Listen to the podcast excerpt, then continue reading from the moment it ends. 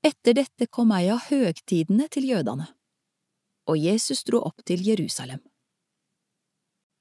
Ved saueporten i Jerusalem er det en dam som de på hebraisk kaller Betesta.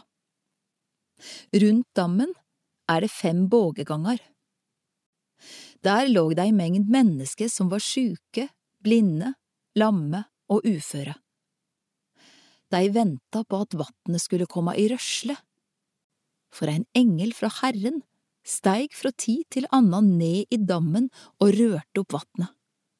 Den første som da steig nedi, etter at vatnet var rørt opp, vart frisk, same hva sjukdom han hadde.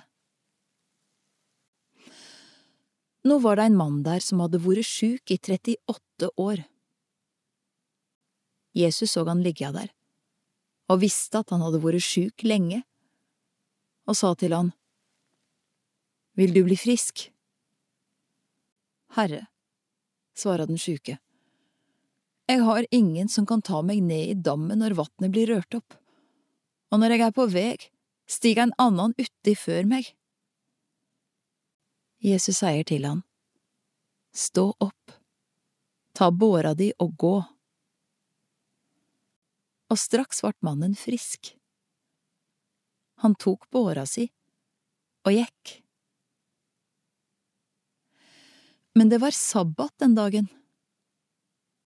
Derfor sa jødene til han som hadde vorte lekt, Det er sabbat, du har ikke lov til å bære båra di.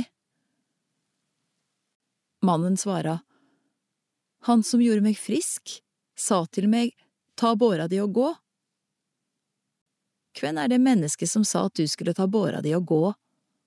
spurte de. Men han som hadde vorte frisk, visste ikke hvem det var, for Jesus hadde trukket seg unna, det var så mye folk der. Seinere fant Jesus mannen på tempelplassen og sa til han, Nå er du borte frisk att. Synd ikke mer, så ikke noe verre skal hende deg. Mannen gikk da og fortalte jødene at det var Jesus som hadde gjort han frisk.